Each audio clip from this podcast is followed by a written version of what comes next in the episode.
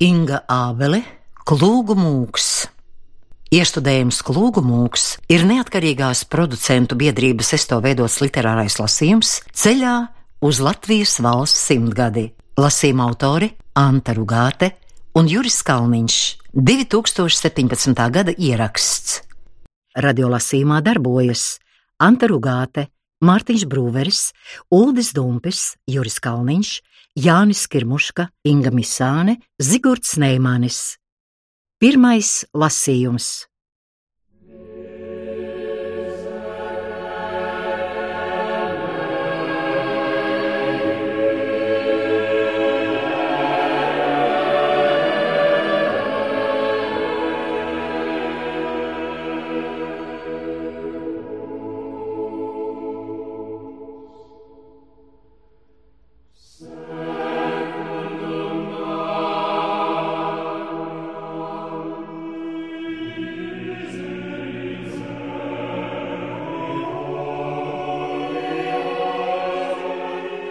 Es viņu pazīstu uzreiz.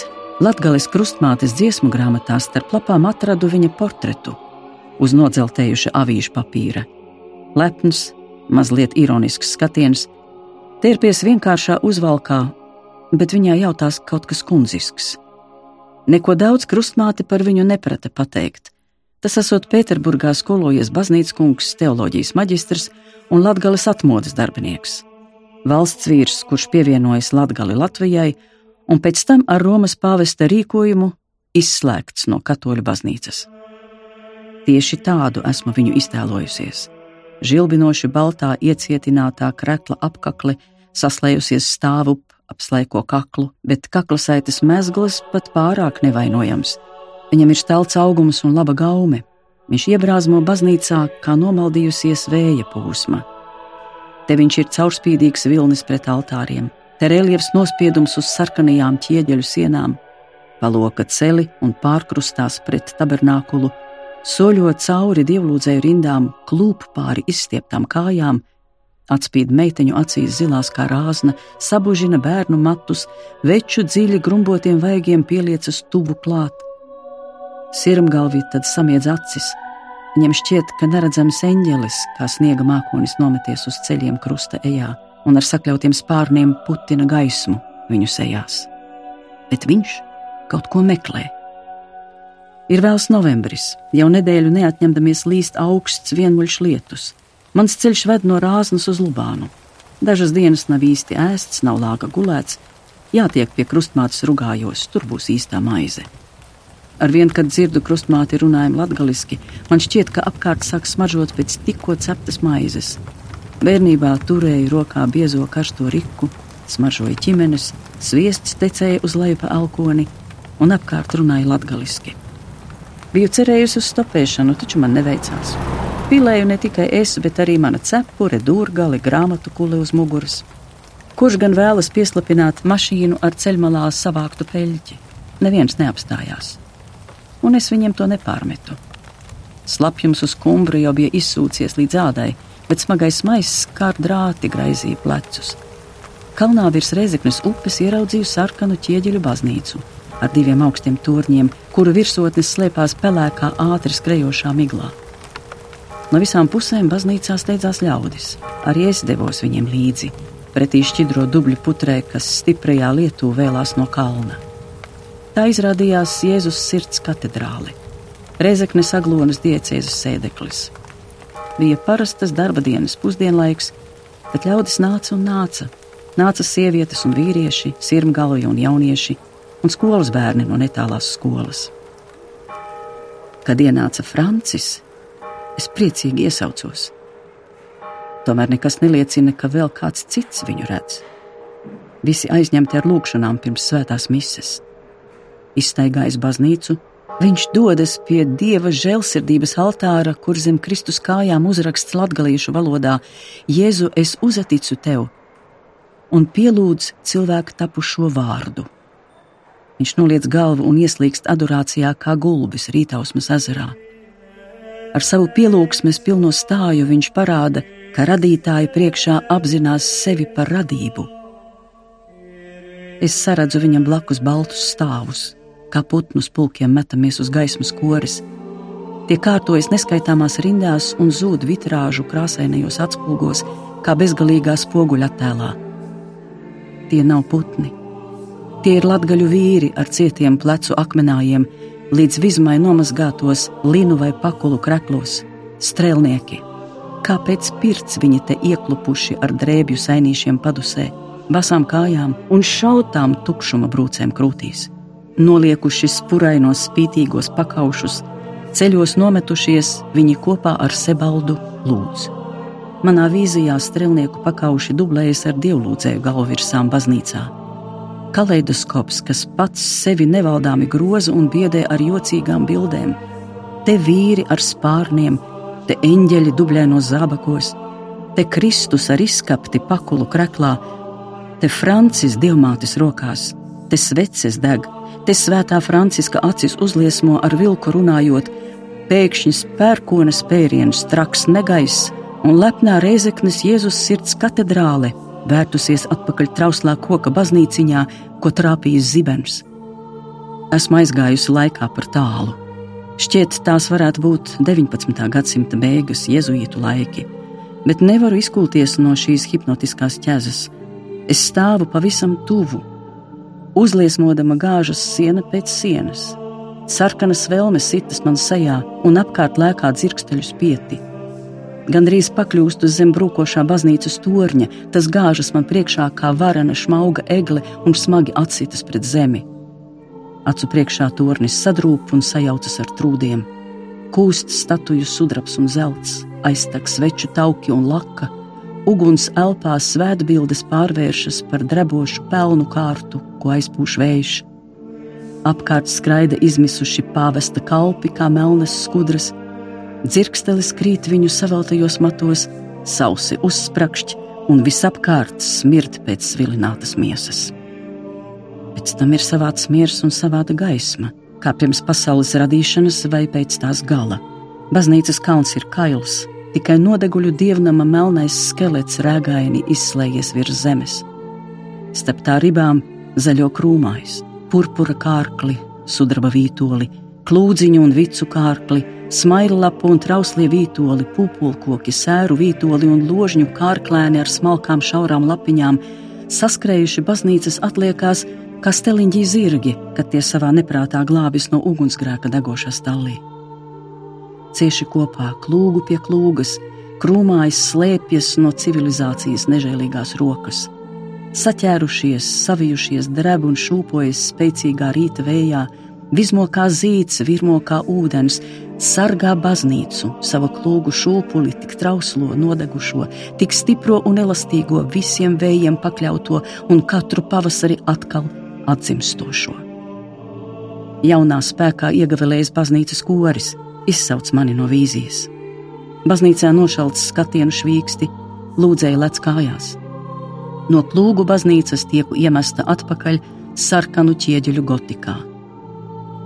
Skrapstinādams ar papēdīšiem ienāk bīskaps, viņam piekalpo vairāki prāvesti un ministranti. Lūkojos, kur Francis? Bet Francis iet bīskapam pa priekšu. Pie galvenā altāra Jēzus sirds godam un ir pārliecināts, ka tas ir viņš, kurš kopā ar draugu te šodien svin misi. Francim, tāpat kā man, sajukuši laiki. Viņš ir bijis Reizeknas dekāns vairāk nekā simt gadu atpakaļ. Šodien viņš ir tikai spoks, nemiera gars, balgana plazmas matrica, mana atmiņa. Bīskaps neredz un caursteigā viņu, izmin kā akmens grīdu, izšķirsta kā lūkšanu grāmatu visbeidzot nostājas viņa vietā. Lietus plīkšķēdams sitas pret rūtīm. Es palikšu te ilgi. Baznīca ir mans patvērums vārda tiešā nozīmē. Tā silda miesa un žāvē drānas, pūtina kājas un gandarī mani. No visiem dievkalpojumiem, ko zinu, viskaistākā ir katoļu svētā mise.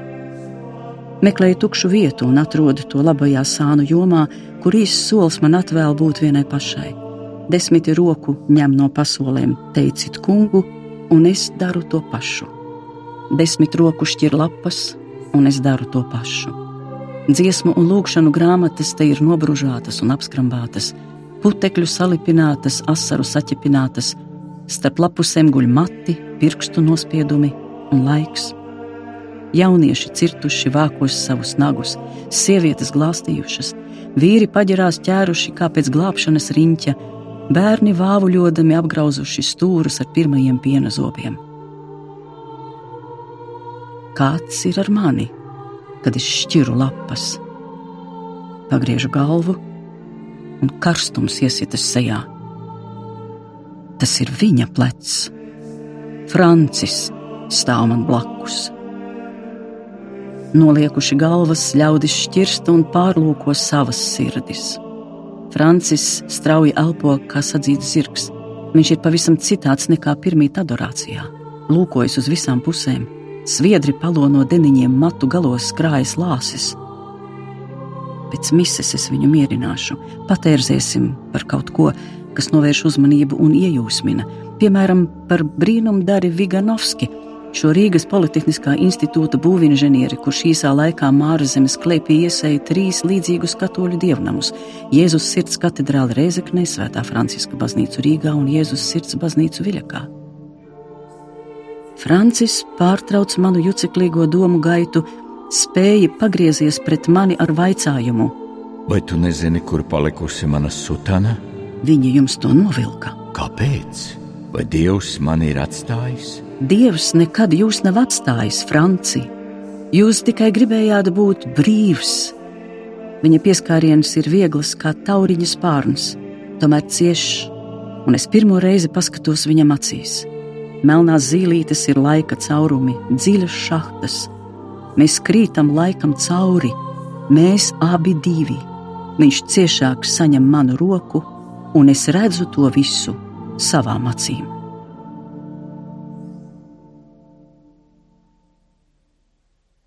Tūkstoš 926. gada 4. aprīlis - Augsts Lieldienu svētdiena. Maskavas forštatē starp melniem stumbru stiebriem un namu aizvērtajām gliemežnīcām kamolos savēlusies zilgana sniega migla, bet galotnes un baznīcu torņi jau mirkst gaismu skrējumā, kas nostājies caurspīdīgā kārtā virs sarmotiem smalkzariem un dusošiem putniem. Gaiss ir pilns ar tikko manāmu spārnotu dzīvību, kā dūrē savilcies pumpurs. Katoļu ielā kādā dzīvoklī valda krēsla un nekustība, Viesistabā pie sienas kā gurda dvēsele kustas pulksteņa pendele, iesprostota smagā, raupji grabtā ozolkoka kastē. Guļamistabas atvērto durvju ailā vīd liels loks ar skatu uz visu svēto kapsētas liepām pāri ielai. Aizskari ir atrauti, it kā naktī kāds elpas trūkumā būtu lauzies gar logu. Tikko manāmais rītausmas svīdums caur aputējušām rūtīm krīt uz vientuļu gulētāju. Stiegrainais veča ķermenis sasakts ar nātnes segu, atdusas zemā gultā un atgādina smiltīs ieputinātu granīta stēlu.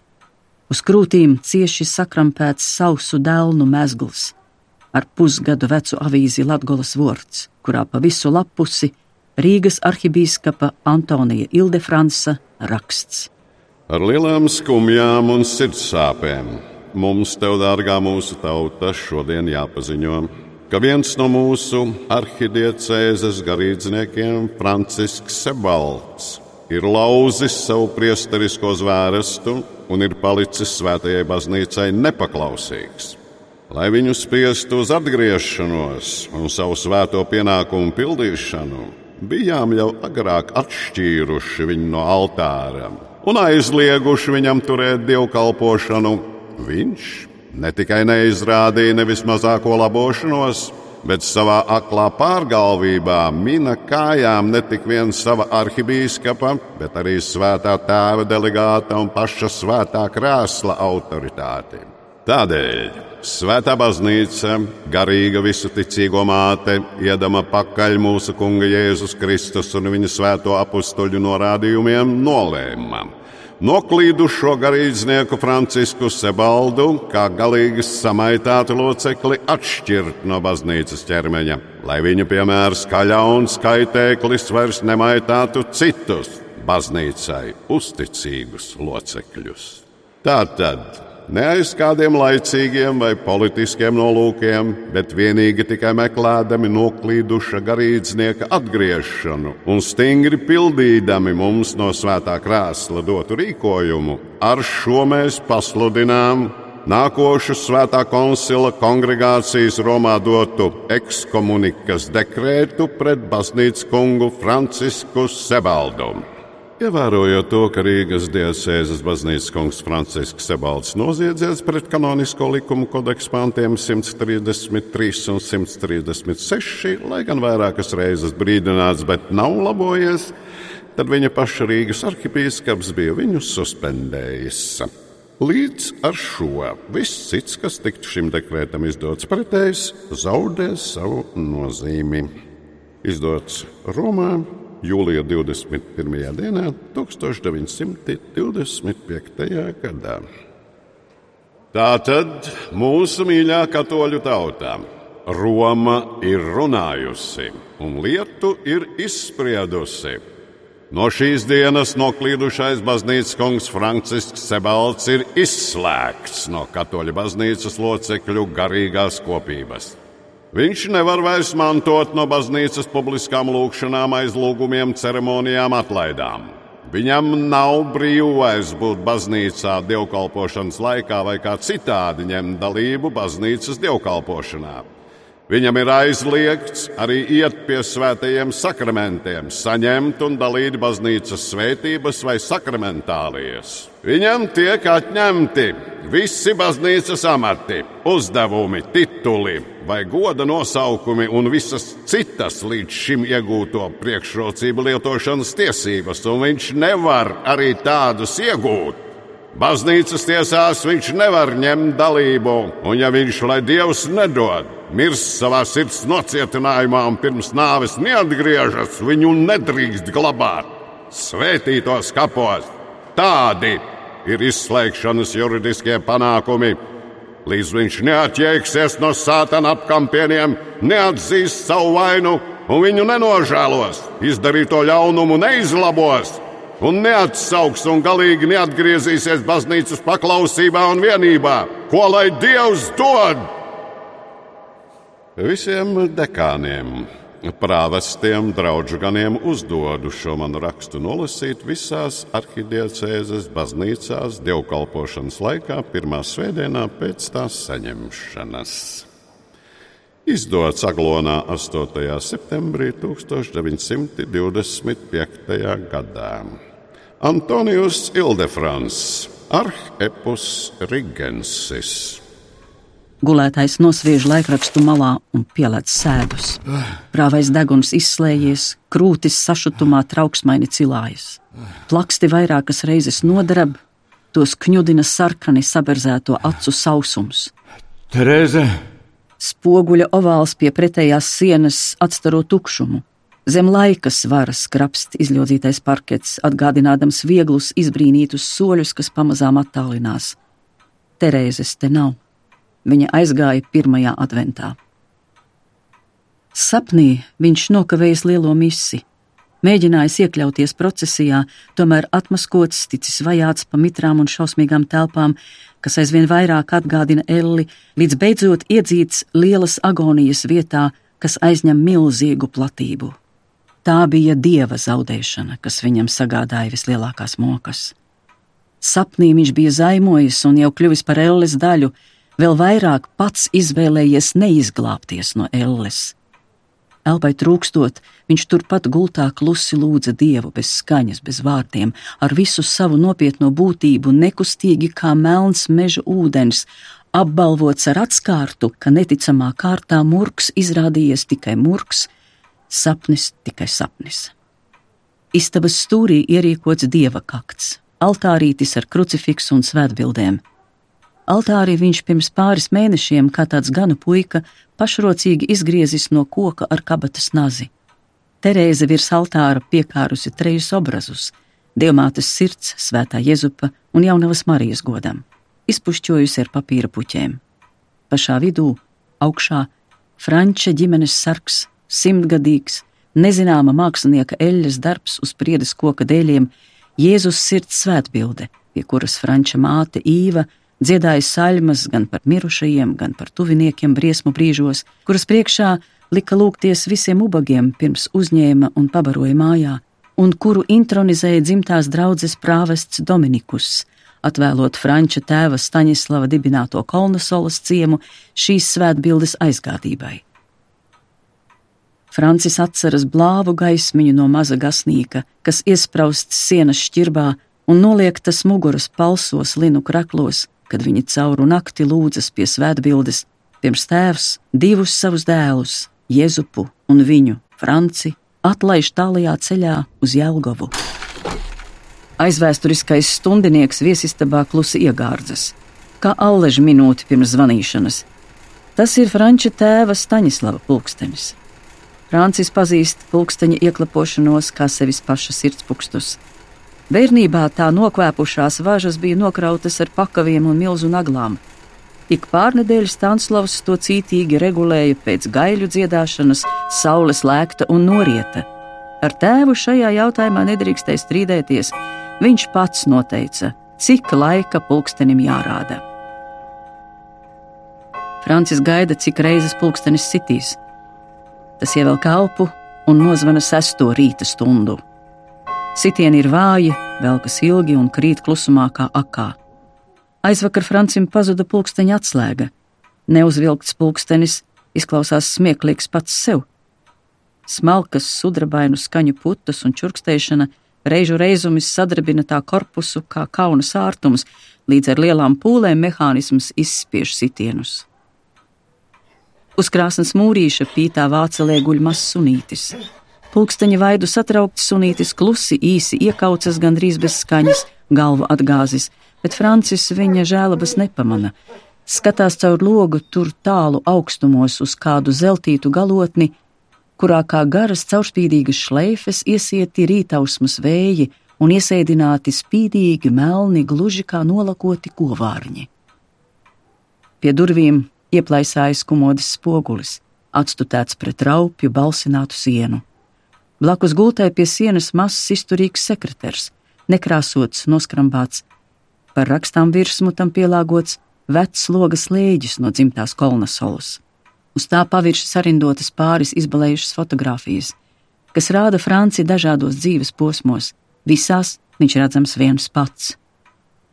Francis stīvi pieceļas stērpies mazlietotā garīdznieka naktstarpā, ko viņam kopā ar itāļu Leveretes kucēnu dāvinājis pāvesta nuncijs Alessandro Cukīnī. Francis nezina, kurš Romas bīskaps, varbūt pat kardināls, pirms viņa valkājis šīs vienlaidus krekla bikses no uzkārstas kokvilnas, bet tās ir ērtas un siltas, un ar atpogājumu klapi aizmugurē, kas atvieglo sirsniņu kambara apmeklēšanu. Kucēns savukārt lielāks nav izaudzis, vien pastiepis garumā locekļus un kļuvis par radījumu, kas līdzinās ar zīdpelēku ādu apvilktai vistai. Francis to nosaucis Trojas prinča Hektora vārdā. Pie mazākās vēsmas vai uztraukuma Hektors trīc un drebuļo kā violets pirms rieta atspulks ezerā. Vecais vīrs pēkšņi iekunkstas un saliecies apņem ar kaulainajiem pirkstiem savu muguru pie nierēm, kur naktstārpā iešūtas klapes plānās perlamutra pogas. Viņš skatās kumodas spogulī, gaidīdams, kad sāpe atlaidīs, un nospriež, ka šodien jāskuj vaigi. Tad tūlīt nopūšas, jo tas nozīmē, ka jākur arī plīts. Viņa nopūtas baltiem mutuļiem kūpu augstajā telpā. Kakls drūmi ierauts plecos. Viņš ir dusmīgs uz saviem stīvajiem kauliem un sit pa ceļgaliem tā, ka putekļi kūp. Vicinoties, cilvēks tomēr dabū dzīslās mazu drusku siltuma kur tas laiks, kad Francis Sebalds Pēterpils muzikālās biedrības vakaros virpuļoja kā stingri iegriezts vilciņš. Pirms tam večerinkās un grišķās savā ciemā kadriļas, kručeļkas, pitkevičus poļkas. Viņš vēl atceras vecās labās zingera mazurkas dejas zīmējumu, paklanīties pa labi, pa kreisi, sasmaidīties ar pretim stāvošo pāri, sasist paliecienā potītas pa labi, pa kreisi un tad virpuļos, virpuļos, virpuļos, mesties zemē uz labā ceļgala, pēc tam uz kreisā, virpuļos, virpuļos, virpuļos. Bet Terēze, viegla kā dūna, plīvo ieblakus. Viņas korsetē iešūtās valzivas ūsas, gurkst Francim te pie vienas auss, te pie otras, kā atkušņa sniegs. Virpuļos, virpuļos. Francis attopas no atmiņām un norauž degunu galā sakrājušos pilienu. Ļotādus uz vecumu izžūst. Viņš sarušina plīts kurtuvē padzisušās ogles, rūpīgi apkrauj ar pagalēm. Pūš gaisu, ieklausās. Vāra švīkstoņa izloka bērza tāsis, uzliesmojumā atraisās guns. Drīz plīts dibenkatlā ir silts ar pelniem pieputējis ūdens. Viņš iegremdē tajā ziepju gabalu, uzkuļ bleķa bļodiņā biezas putas, ar kurām slaka seju kā iesvaidīšanas rituālā ņemas gar pakakli ar vārdas nazi, met putas šmucpainī un murmina rīta lūkšanu, ko bērnībā noklausījies no Hadermaņa vecās mātes. Svētī Dievs man mazo gotiņu, svētī manu darbošanos, svētīs laukšanu, ak Dievs, svētī katru tesmeni un katru pilienu krūzē. Es esmu uz tava ceļa, ak Dievs! Un tu esi manos soļos. Viņš nomet pēdējās putas spainī un ar asmeni lieku reizi pārvelka gludajam smakram. Svētā Franciska baznīcas turnī tajā brīdī sāk lingāt zvans Florians, veistīdams par saulēktu. Francim piepeši sadraba pirksti. Viņš gandrīz iešķeļ sev vaigā, atrauja virtuves logu un izliecis ārā līdz pusē. Viņa svaigi skūto seju, savās vēsajās plaukstās saņem zvana skaņu trauksmainās vēdas. Defunctos ploro, Florianus est nomen meum. Mirušo sapraudu, mans vārds ir Florians. Franča pirksti atceras raupjo gravējumu Floriāna druknajā korpusā. Varbūt reizi mūžā gadās tāda izdevība - glāstīt 40 pudu smagu baznīcas torņa zvanu, un arī ne katram. Viņš bija klāt, kad abus brāļus vilka atpakaļ torņos pēc atgriešanās no evakuācijas uz Krieviju. Uz otra zvana ir uzraksts Laudo Deum Verum, Franciskus est nomen meum. Slavēju patieso dievu, mans vārds ir Francisks. Arī Francisks atgriezās no Pirmā pasaules kara. Teikanā jau labu brīdi šņāgdams mutuļo ūdens.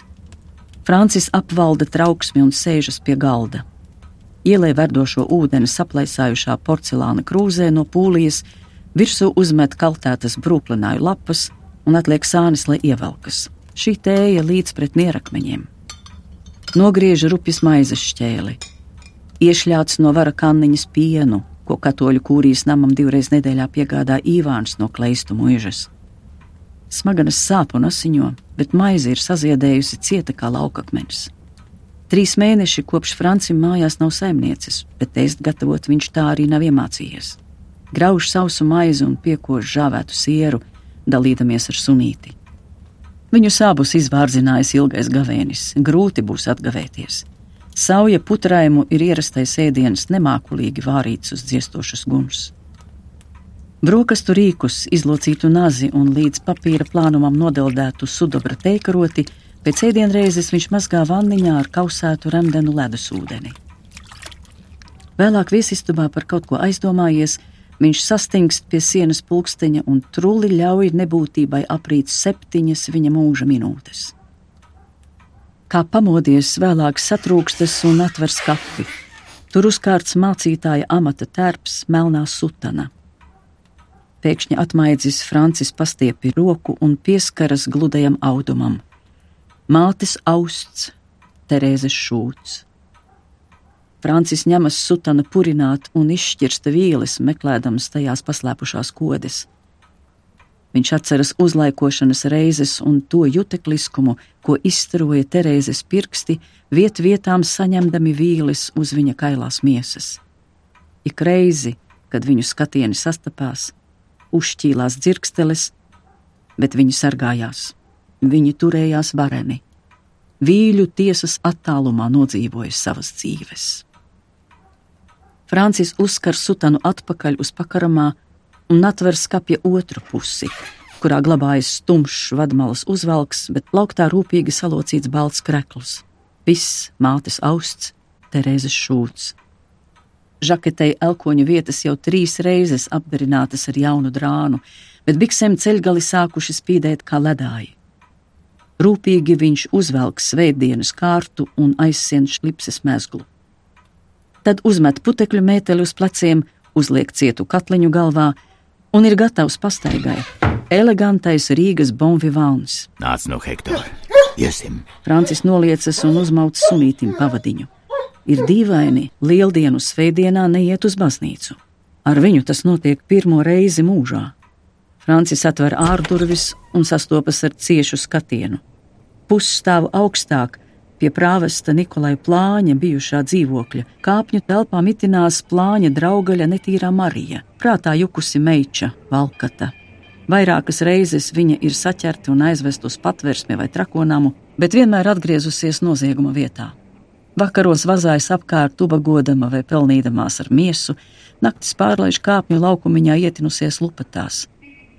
Plānis agrāk bija Svētā Franciska draudzes prāvests, bet nu ir pārcelts kalpot uz nomaļu draugu, tāpēc kūrijas dzīvoklī parādās reti. No rītiem ieķērusies ar rokām margu kaltajos spraišļos, netīrā Marija sagaida Franci parādāmies lejas dzīvokļa durvīs. Viņa vienmēr apsveicinās ar vienu un to pašu jautājumu. Nu, Sevaldi, kur tad ir tavs dievs? Francis atbild saskaņā ar savu tā rīta garstāvokli. Reizēm atjokojas, reizēm improvizē kaut ko satīriska pamfleta garā, reizēm svēta Mariju ar audzinošām dusmām, reizēm maigā balsī pamāca. Dažkārt augstprātīgi klusē un netur par vajadzīgu atbildēt. Šorīt viņš saka: Baznīcā! Tu iesi pie viņa! Jā! Netīrā Marija apsver viņa teikto. Tu nedrīkst iet baznīcā! Francis tikmēr pats ir pārsteigts par to, ko pateicis, sastulpst uz sliekšņa, tad parausta plecus un izsteidzas uz ielas. Ielas, namus, kokus, sadz caurspīdīga ledus kārta, zem kuras sulo aprīlis. Francis traucas, steidzas, slīd, krīt, sabrāž roku un ceļas no jauna. Viņš pat nesamana, kā nonācis netālajā miera dārzā. Agrāk te bijuši pilsētas trūcīgo kapi. Blakus tiem visu svēto kapsēta. Nesen vēl kapi, tagad dārzi, pēc laika pilsēta. Dzīvie ceļ savus namus uz mirušo trūdiem. Viņš, Francis, vēl ir dzīvs un ies uz baznīcu. Viņš ies un nevis uz Svētā Franciska baznīcu tepat blakus, bet uz pašu Jēkaba katedrāli Rīgas centrā. Francim Sebaldam nav iemesla slēpties, lai slēpjas viņi. Galu galā ir lieldienas, laiks, kad tiek piedoti vislielākie pāri darījumi. Francim būtu šorīt jāstāv savā baznīcā, albā un brokāta ornātā ar zīdas stolu uz pleciem, caur veļumu satvērušam monstranci, Viņam tur jābūt baltā, zeltā un visā godībā. Nevis tam pūļu ieliktenim, kas ne vārda nespēja izdvest, tikai sist pa seju kalpiem vai cirst indi draudzīgi pastieptā rokā kā čūska. Patiesībā par arhibīskapu Francim maza bēda. Lai svin misi, kas vēlas, lai paši tiek galā ar saviem grēkiem. Francis arī svinēs. Ja citādi nevarēs, pastāvēs sakristējā pabaudīs dieva tuvumu. Francis augst pēc Kristus miesas un asinīm zem maizes un vīna zīmēm. Noslēpuma pilnajā vakariņā kungs Jēzus Kristus pārlauza maizi un izdalot saviem mācekļiem teica: Ņemiet un ēdiet no tās visi, jo tā ir mana miesa, kas par jums tiks atdota. Francim šī dieva ēšana pietrūkst ne jau kādā simboliskā vai garīgā veidā, bet absolūti reālā, lai Kristus miesa kļūst par viņa miesu un Kristus asinis, lai ieplūst viņa dzīslās. Tas ir tas, ko neviens cits nespēj dot. Kristus kļūst cilvēkam ne tikai par skolotāju, ne tikai par morāles ideālu, viņš kļūst tam par barību. Cilvēks svētajā misē bauda Dievu, savienojoties ar viņu garīgi un miesiski viss augums knieš un sāp. Baznīca nelaiž Franci arī pie grēksūdzes, un viņš jūtas kā skrējējs, kas gadiem nav dabūjis nomazgāties. Sasvīdis, sasmacis zem miesas spodrības, ar ūdeni taču neko nevar nomazgāt. Stacijas laukumā jau sabraukuši važoņi. Francis apstājas un skatās uz zirgiem ar milzīgiem dzelzceļa klučiem apkaltajām kājām. Bārdains platpleca ormanis ar naģeni kā ielauzītu jumtu un 154. numuru pie kališas sāna noskata plāni ģērbto sebaldu. Priecīgas lieldienas! Uz kurieni brauksim? Priecīgas! Hmm. Uz Elli! Skumji atsaka Francis. Viņš sācis šaubīties, vai izvēlētais ceļš ir pareizs un labāk nebūtu griezties atpakaļ uz māju. To jau viņi gribētu gan.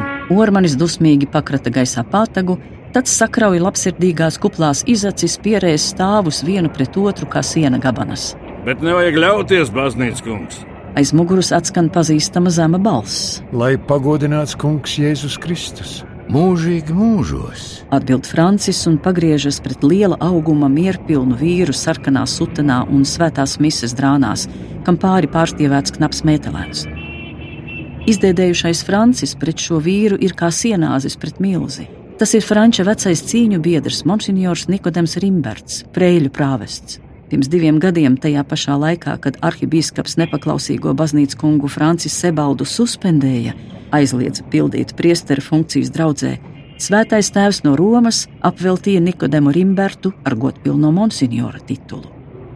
Runā, ka pēdējos gados viņš guļot par maz, strādājot par daudz, staigājot vecā, pusnoplīsušā sutanā, jo visus savus līdzekļus atdodot trūcīgajiem audzēkņiem.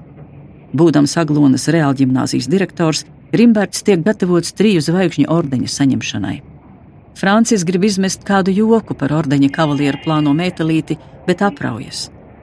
Nikodems dzīves ceļu sācis kā Pēterpils kara skolas beidzējs un militārs sūtnis Francijā, bet pēc Parīzē piedzīvotas atklāsmes pilnībā mainījis savu dzīvi no virsnieka, kļūdams par garīgā semināra audzēkni. Viņš kopā ar Sebaldu un daudziem citiem ir pirmā Latvijas latviešu priesteru paudze, kas nav baznīcas kungi karjeras vai kupla kažoka dēļ, bet aiz godīgas ticības. Un ja liktenis, vai kas zina Sebalda raksturs, kārtis sajaucis tik savādā veidā, ka abi vecie cīņu biedri tagad stāv katrs savā ierakuma pusē, vai tas maina būtību un liek vienam otru turēt aizdomās? Francim gribētos cerēt, ka ne. Kurp tad tu dodies? Nikodems ir steidzīgs un skatās uz katedrāles pusi. Turpat, kurp tu, mans kungs? Iesim kopā? Nikodems ir pārsteigts. Viņa sejā ieplūst asins sārtums un nodraba izači. Tu taču nedrīksti. Šodien celebrēs viņa ekscelence. Es zinu. Francis parausta plecus un nolaiž skatienu. Abi klusēdami aplūko Nikodema zābaku purngalus, kas izlīduši zem sarkanās sutanas krokām. Cītīga spodrināšana pūlējusies noslēpt skrambas un vainas. Francis paskatās uz savu parkā sabrāzto roku un prasa: Atceries, Nikodem, kā mēs kalpojām liturģiju naktī cietumā pie Gorohojas? Viņu abu skatienu sadurē uzplaiksna tāla 1918. gada janvāra nakts Bolševiku cietumā, bezgaisa telpā, kad jūtot tuvo nāvi, Visi pēkšņi sāka dziedāt kā ārprātīgi, un dziesmas laikā krita bezsamaņā. Tas bija pēc slepenās Latviešu pagaidu Nacionālās padomes sēdes Petrogradā, kad viņu vidū bija nodevējis. Dziesmu Francis neatminas. Visticamāk, ka tā nebija apzināta dziedāšana, bet skaņa ar kādu vilnis saplīst pret klinti. Tas šķita jēdzīgāk nekā mirt klusumā. Uz ieslodzīto dzīvniecisko brēkšanu ūsainais priekšnieks atbildēja vien: Es tur ir bezspēcīgs. Pēc janvāra arestiem ieslodzīto bija tik daudz, ka čekas apsargi kameru durvis ar spiedienu spieda ciet. Puse tajās kamerās pret rītu nosmaka. Tie, kas palika dzīvi, arī Nikodems un Francis, sestdienas naktī celebrēja misi. Viņi gulēja uz nārām, par altāru galdu kalpoja Sebalda krūtis. Viņiem tur bija uz visiem viens sakaltis rupmaizes gabaliņš, bet nebija pat pilas ūdens, nerunājot par vīnu. Kamēr Francis pārkoda sev dzīslu virs īkšķa, un nu viņiem bija arī vīns. Es atbalsta vēstuli parakstīju, tu zini. Uzreiz pēc izslēgšanas no baznīcas Sebaldam tika piesūtīta konfidenciāla atbalsta vēstule ar 22 garīdznieku parakstiem. Nikodems bija starp pirmajiem parakstītājiem. Tajā bija izteikts atbalsts Sebaldam un vienlaikus lūgums parakstītāju vārdus publiski neizpaust, jo sekotu vajāšanas. Francis iesmējas. Jā, paldies. Tā ir manā arhīvā. Šī ļoti slepenā vēstule. Rimberta mierpilnās sejas saviebjas, kā kad pārāk skābā ābolā būtu iekosts. Ko es varēju darīt? Toreiz, ja kāds tikai pajautāja, vai tad tā vajadzēja ar Sebaldu rīkoties, uzreiz dabūja represijas, tika izsūtīts uz kādu nomaļu draugu, kā piemēram Julians Vāvuts. Tu taču zini. Nikodems atceras, ka kavē. Viņš strauji pagriežas iešanai un piedāvā Francim Elkoni, kurš tajā paklausīgi ieķeras un tipina līdzi milžas laikajam kārtojumam. Es neko neesmu aizmirsis. Ne Gorhovāju, ne Vladimiru, ne 17. gadu. Bet tu šķiet esi aizmirsis, ka esi ekskomunicēts no baznīcas. Francis lielā aizvainojumā apstājas kā iemiets. Garīgo tiesu atsakās rīkot. Ko es tādu esmu sagrēkojis? Vai kāds var man atbildēt? Kad stāvam svētā biķere priekšā, vai mēs visi nesam grēcinieki? No kuriem pirmais esmu es? Taču tevi arhibīskaps suspendēja jau pirms diviem gadiem. Baznīca gaidīja, ka tu labosies, bet tu neko nemainīji savā uzvedībā. Suspendēja par to, ka es dzīvojot konkubinātā ar savu saimnieci un ka ejot uz parlamentu nevis priesteri, bet laja drēbēs. Ne Eiropā, ne jaunajā pasaulē vairs nepieprasa ierasties parlamentos sutanā. Tu pats to zini, Nikodem. Un par Terēzi. Jo taču ir bezskaunīgi meli. Nu, padomā pats, ko nozīmētu man viņu atlaist. Tas nozīmētu apmelojums apstiprināt. Par to nav runa, Frančs. Par ko tad? Tavas ekskomunikācijas iemesls nav ne konkubināts, ne laju apģērbs, bet gan nepaklausība ordinārijam. Baznīcā pastāv paklausības pienākums. Ja biskups novērtē situāciju un uzskata, ka kādam priesterim vajag atlaist saimnieci, bet ietiepīgais dvēseļu gans to nedara, tad likums ir bargs. Viņa ir prom. Pati aizgāja no manis adventa sākumā. Aizvien biežāk katedrālis tuvumā monsignoram nākas sasveicināties ar pazīstamiem cilvēkiem.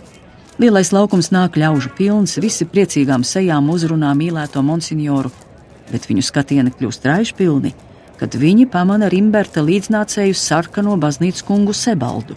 Sebaldi, tev tomēr ir raksturiņš, saproti pats. Ja tu uzskati, ka tev ir taisnība, tad vienalga. Tu iesi savu ceļu, neatkāpsies, varbūt pat par spīti to darīsi.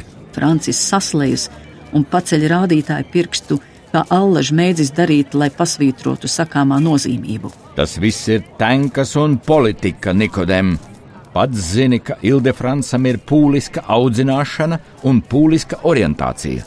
Ar pūļu aizmuguri viņš iesvētīts par biskupu un paaugstināts par arhibīskapu. Bagāti un resni viņi noganījušies Latviešu zemē, cer mūsu zemē iegūto mantu un brīvību izlietot pret mums pašiem. Gribi zināt, ko arhibīskapam atbildēju? Ka baznīcā bučoja viņam roku, bet politikā mani tauta ir vēlējusi, un tur esmu no viņa neatkarīgs. Es tā gribu, un tā būs, bet ko viņš saka, tas man nav no svara. Kad Francis runā, šķiet viņā ieaug svešāda degoša serde, kas pretrunā ar miesas vārgo stiebru. Lūk, daži garām gājēji jau apstājas. Sebalts nav glābjams, nodomā Nikodems, meklējams iespēju pieklājīgi pamest Franci un doties uz misiju. Es domāju, tavu nelaimju cēlonis ir tas, ka tu izvēlējies garīdznieka amatu. Man nu jāiet. Paliec sveiks. Dievs, kungs, lai ir ar tevi. Nikodems atrauj elkoni un gar atkusušajām peļķiem aizlāčo uz katedrāli. Francis paliek uz ielas, un viņa sirds skumjās saspringst kā pulksteņa atspere. Īsu brīdi viņa sejā un stāvā pavīd kaut kas tik trausls, par ko visos laikos tiek sodīti tie, kas atļaujas paturēt savu es varas priekšā. Ne jau sava spēka dēļ cilvēki top varoņi, lai gan top arī tādēļ. Par varoņiem visbiežāk kļūst tie, kas nespēja aizmālēt savu trauslumu ar iedomātu bravūru. Ilgu laiku viņš mīdās uz vietas, nespēdams saņemt dušu un doties uz baznīcu. amats, Nikodem, domā Francis. Vai to, ko mēs sākām un to, ko paveicām, var ietvert vienā īsā, neizteiksmīgā jēdzienā amats? Francis cer, ka vēl aizvien prot atšķirt cilvēku ļaunos darbus no baznīcas lietām, par spīti amatam. Galu galā viņi visi reiz ir zvērējuši, ka tautas un baznīcas labums viņiem rūpēs vairāk nekā cilvēku ļaunie darbi un personiskās sāpes. Sirds pamazām atgūst savaldību. Svaiga gaisa malku iekampis, Francis soļo gar katedrāles ieeju uz sakristēju. Garām ejot, vēl pamet skatienu uz tukšo svētā blazīja zvana vietu, baznīcas tornim speciāli piebūvētā nojumītē. Ilgus gadsimtus ar savu īpašo novietojumu zvans bijis pirmā Rīgas pazīšanas zīme, saukta par nabaga grēcinieku zvanu. Ar tā skaņām ziņoja par soda izpildi Rāclaukumā. 1915. gada vasarā, kad sagaidot vācu armijas iebrukumu, cariskās Krievijas administrācija veda prom no Rīgas visu, ko vien varēja aizvest, arī svēto blaziju nolaida no augstumiem. Uz zvana tauta ieraudzīja uzrakstu: Kungs pasargi mūs no mēra un krieviem. Lieki teikt, ka blazīs tā arī neatgriezās. Baznīcas priekšnamā, tā sauktajā Ubagu baznīcā, drūzmējas nabagi tupus ceļiem, arī pie ārdurvīm. Francis norauj no galvas katliņu, sažņaudz rokās un paiet tiem garām. Katrs ubaks drīkst iet baznīcā, bet Francim jāpaliek ārā. Tur iekšā ir hostija apzeltītā monstrancē aiz kristāla stikla. Augstajā telpā virs svētbildēm plaiksnās saules zaķi no logu rūtīm, kā neizteikti gaviļu saucieni. Gavēņa drūmums plaisā, sāpes kraujas krāvumos kā ledus upē, kūst acu priekšā, Iešūpojušās tās drīz plūdīs prom ārā pa saulē degošajām durvju ailām. Arhibīskaps intonēs draudzes augs, dominus vobiskum, et cum spiritu to, sursum korda. Viņš bikli paver durvis uz saules pielieto baznīcu. Ticīgos, kuri kopš sestdienas pavadījuši nakti dziedot un lūdzoties, var atšķirt pēc izskata Vecākas sieviņas guļ solos uz sāniem, kā lietus sagāstas pojenes smagām galvām. Tās nav spējas pamodināt pat sakristejas zvans. Arī dažs vecis rāmā paļāvībā uz lūkšanu galdiņa apguldījis baltām pūkām rotāto pakausi delnās un aizvērs acis.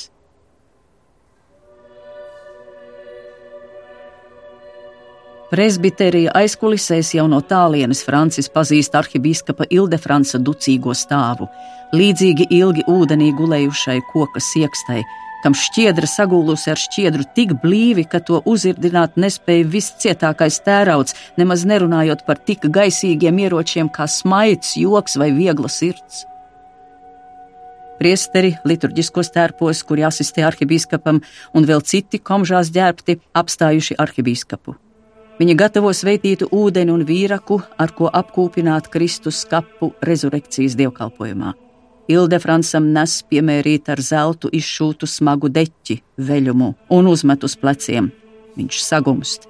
Nav ļauts monstranci satvert ar kailām, grēcīgām, lai arī paša arhibīskapa rokām, tāpēc veļuma oderē iešūtas kabatas. Noņēmis no monstrances balto plīvuru, Ildefrans lielajā misē satvers to caur dārgo drānu un pacels augstu gaisā ērģeļu dūkoņā. Savā mūžā noturējis tik daudzas lieldienu mises, Francis zina to visu no galvas. Te izgadās misēklis. Baznīcas kungs Jakovļevs ir ieraudzījis Franciju durvju ailā un sarauc uzacis. Kūrijas ekskanclers pamāja kādam klerikam semināristam. Francis steigšus dodas atpakaļ uz sakristēju un nostājas Jēzus sirds svētbildes priekšā.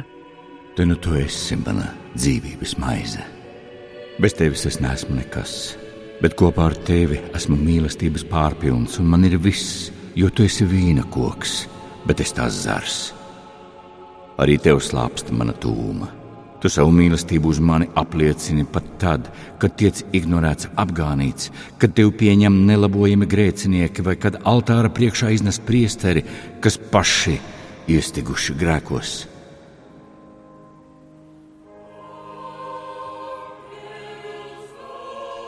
Baznīcā ierūcas ērģelis, sāk šalkt gaviļu dziesma. Rezurekcijas brīdī neviens cilvēks nevar palikt vienaldzīgs. Viņš pieder vai nu dievam vai vēlnam. Šajā momentā Fausti pārdod dvēseles nelabajam, lai pēcāk tos sagaidītu jūdas gals. Francis Sebalds baidās tapt vaiprātīgs no ilgām pēc svētās komunijas un grēksūdzes. Sakristējā ienāk kleriķis un vēršas pie Sebalda ar jautājumu: Kāpēc jūs nākat baznīcā, Sebalda kungs, kad svētais krēsls jums to noliedzis? Esmu atnācis, lai noklausītos dievkalpojumu tajā baznīcā, kuru pats priekš katoļiem esmu izcīnījis. Kleriķim noraustās seja, rimtais apaļais lauku puikas vaigs lai pēc iespējas ātrāk izpildītu priekšniecības rīkojumu un dabūtu Sebaldu no katedrāles ārā, viņš Francim laipni paskaidro: Jums nav ne kauna, ne labas dienas. Ejiet ārā, noklīdušais cilvēks. Varat uz grandāta celiņa pastāvēt, ja gribat, bet nenāciet dievnamā ar savu sātanu. Šie vārdi ir kā augsts ūdens aiz apakles. No cilvēka, kurš agrākos laikos nebūtu cienīgs Sebaldam kurpes notīrīt. Sirds Franča krūtīs noraustās, uz mirkli pārstāja sisties. Viņam trūkst elpas, un nekas cits neatliek. Pa saules dedzinošo koridoru vecais vīrs atstāja baznīcu. Kā nesamanīgs viņš pārstreipuļos staru žilbumā kūstošo baznīcas laukumu un ienirst namu tumšajā pakrēslī. Vēl atskatās uz katedrāli, ar plaukstām uz sirds, kā mēģinādams noturēt tajās ieslēgtu putnu. Pēc laika viņi iznesīs dievu, triumfēdami iznāks procesijā, bērni kā eņģeļi kaisīs ziedlapiņas viņa ceļā, karogu mežs paudīs uzvaru pār nāvi un ienaidniekiem, krusts vadīs, iedegti lukturi šūpodamies rādīs ceļu, Zem baldahīna soļos arhibīskaps ar zeltītu monstranci rokās atkarojis dieva dēla miesu un asinis, no sātana pielūdzēja Franča Sebalda. Francis atmetas pret nama sienu. Viņa prātu kā satrauktas meža bites caurlodā frāzes no desmitiem paša celebrētām lieldienu misēm. Nu viņš esot sātana pielūdzējs. Pasaule sagriezusies kājām gaisā, Kopš izslēgšanas no baznīcas dzīvojis noslēgti un klusi, maz rādījies atklātībā. Kāpēc viņš bija cerējis, ka lieldienās viņam taps piedots? Ar nevarīgu žēlumu Francis atkrīt uz važoņu zirgiem paredzētās siena gubas pie kāda nama. Saulē vibrējošam pavasara gaisam virs bruģa Šobrīd vajadzētu sabiezēt gaismas pielietā pestītājā, kurš paņemtu Franci aiz rokas un paceltu debesīs, sakot, kam tu pārdzīvo, Franci? Skaties tur lejā visa plašā pasaule. Leģioni nepatiesi sāpināto, bez vainas vainīgo, slepeni noslepkavoto, bez vēsts pazudušo, vientuļi izvaroto un klusībā pazemoto. Tu taču neesi vainīgs, tāpat kā nav vainīgi viņi bet Jēzus nesabiezē. Tikai salti caurvēji cits citu dzenādami pa tukšajiem ielu šķūņiem, drebina franča miesu, it kā viņš bez ādas te būtu piesalis aiz vēsturiskajiem mūriem. Viņš gribētu visu nakti pavadīt adorācijā, iet pie spoveda, izbirstēt sevi no iekšas un āras, pēc tam noslaucīties raupjā nožēlas vielī un saņemt piedošanu no tēva un mātes tie ir miruši, bet debesu tēvu un māti viņam līdzīgie viņam ir aizlieguši.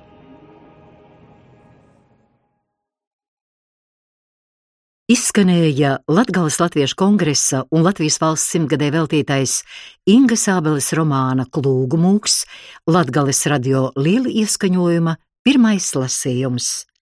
Darbojās Anta Rugāte, Mārtiņš Brūveris, Ulvis Dumpis, Juris Kalniņš, Jānis Kirmuška, Inga Misāne, Zigurds Neimanis, komponists Juris Vaivots, skaņu režisors Andrijs Krenbergs, režisors Juris Kalniņš.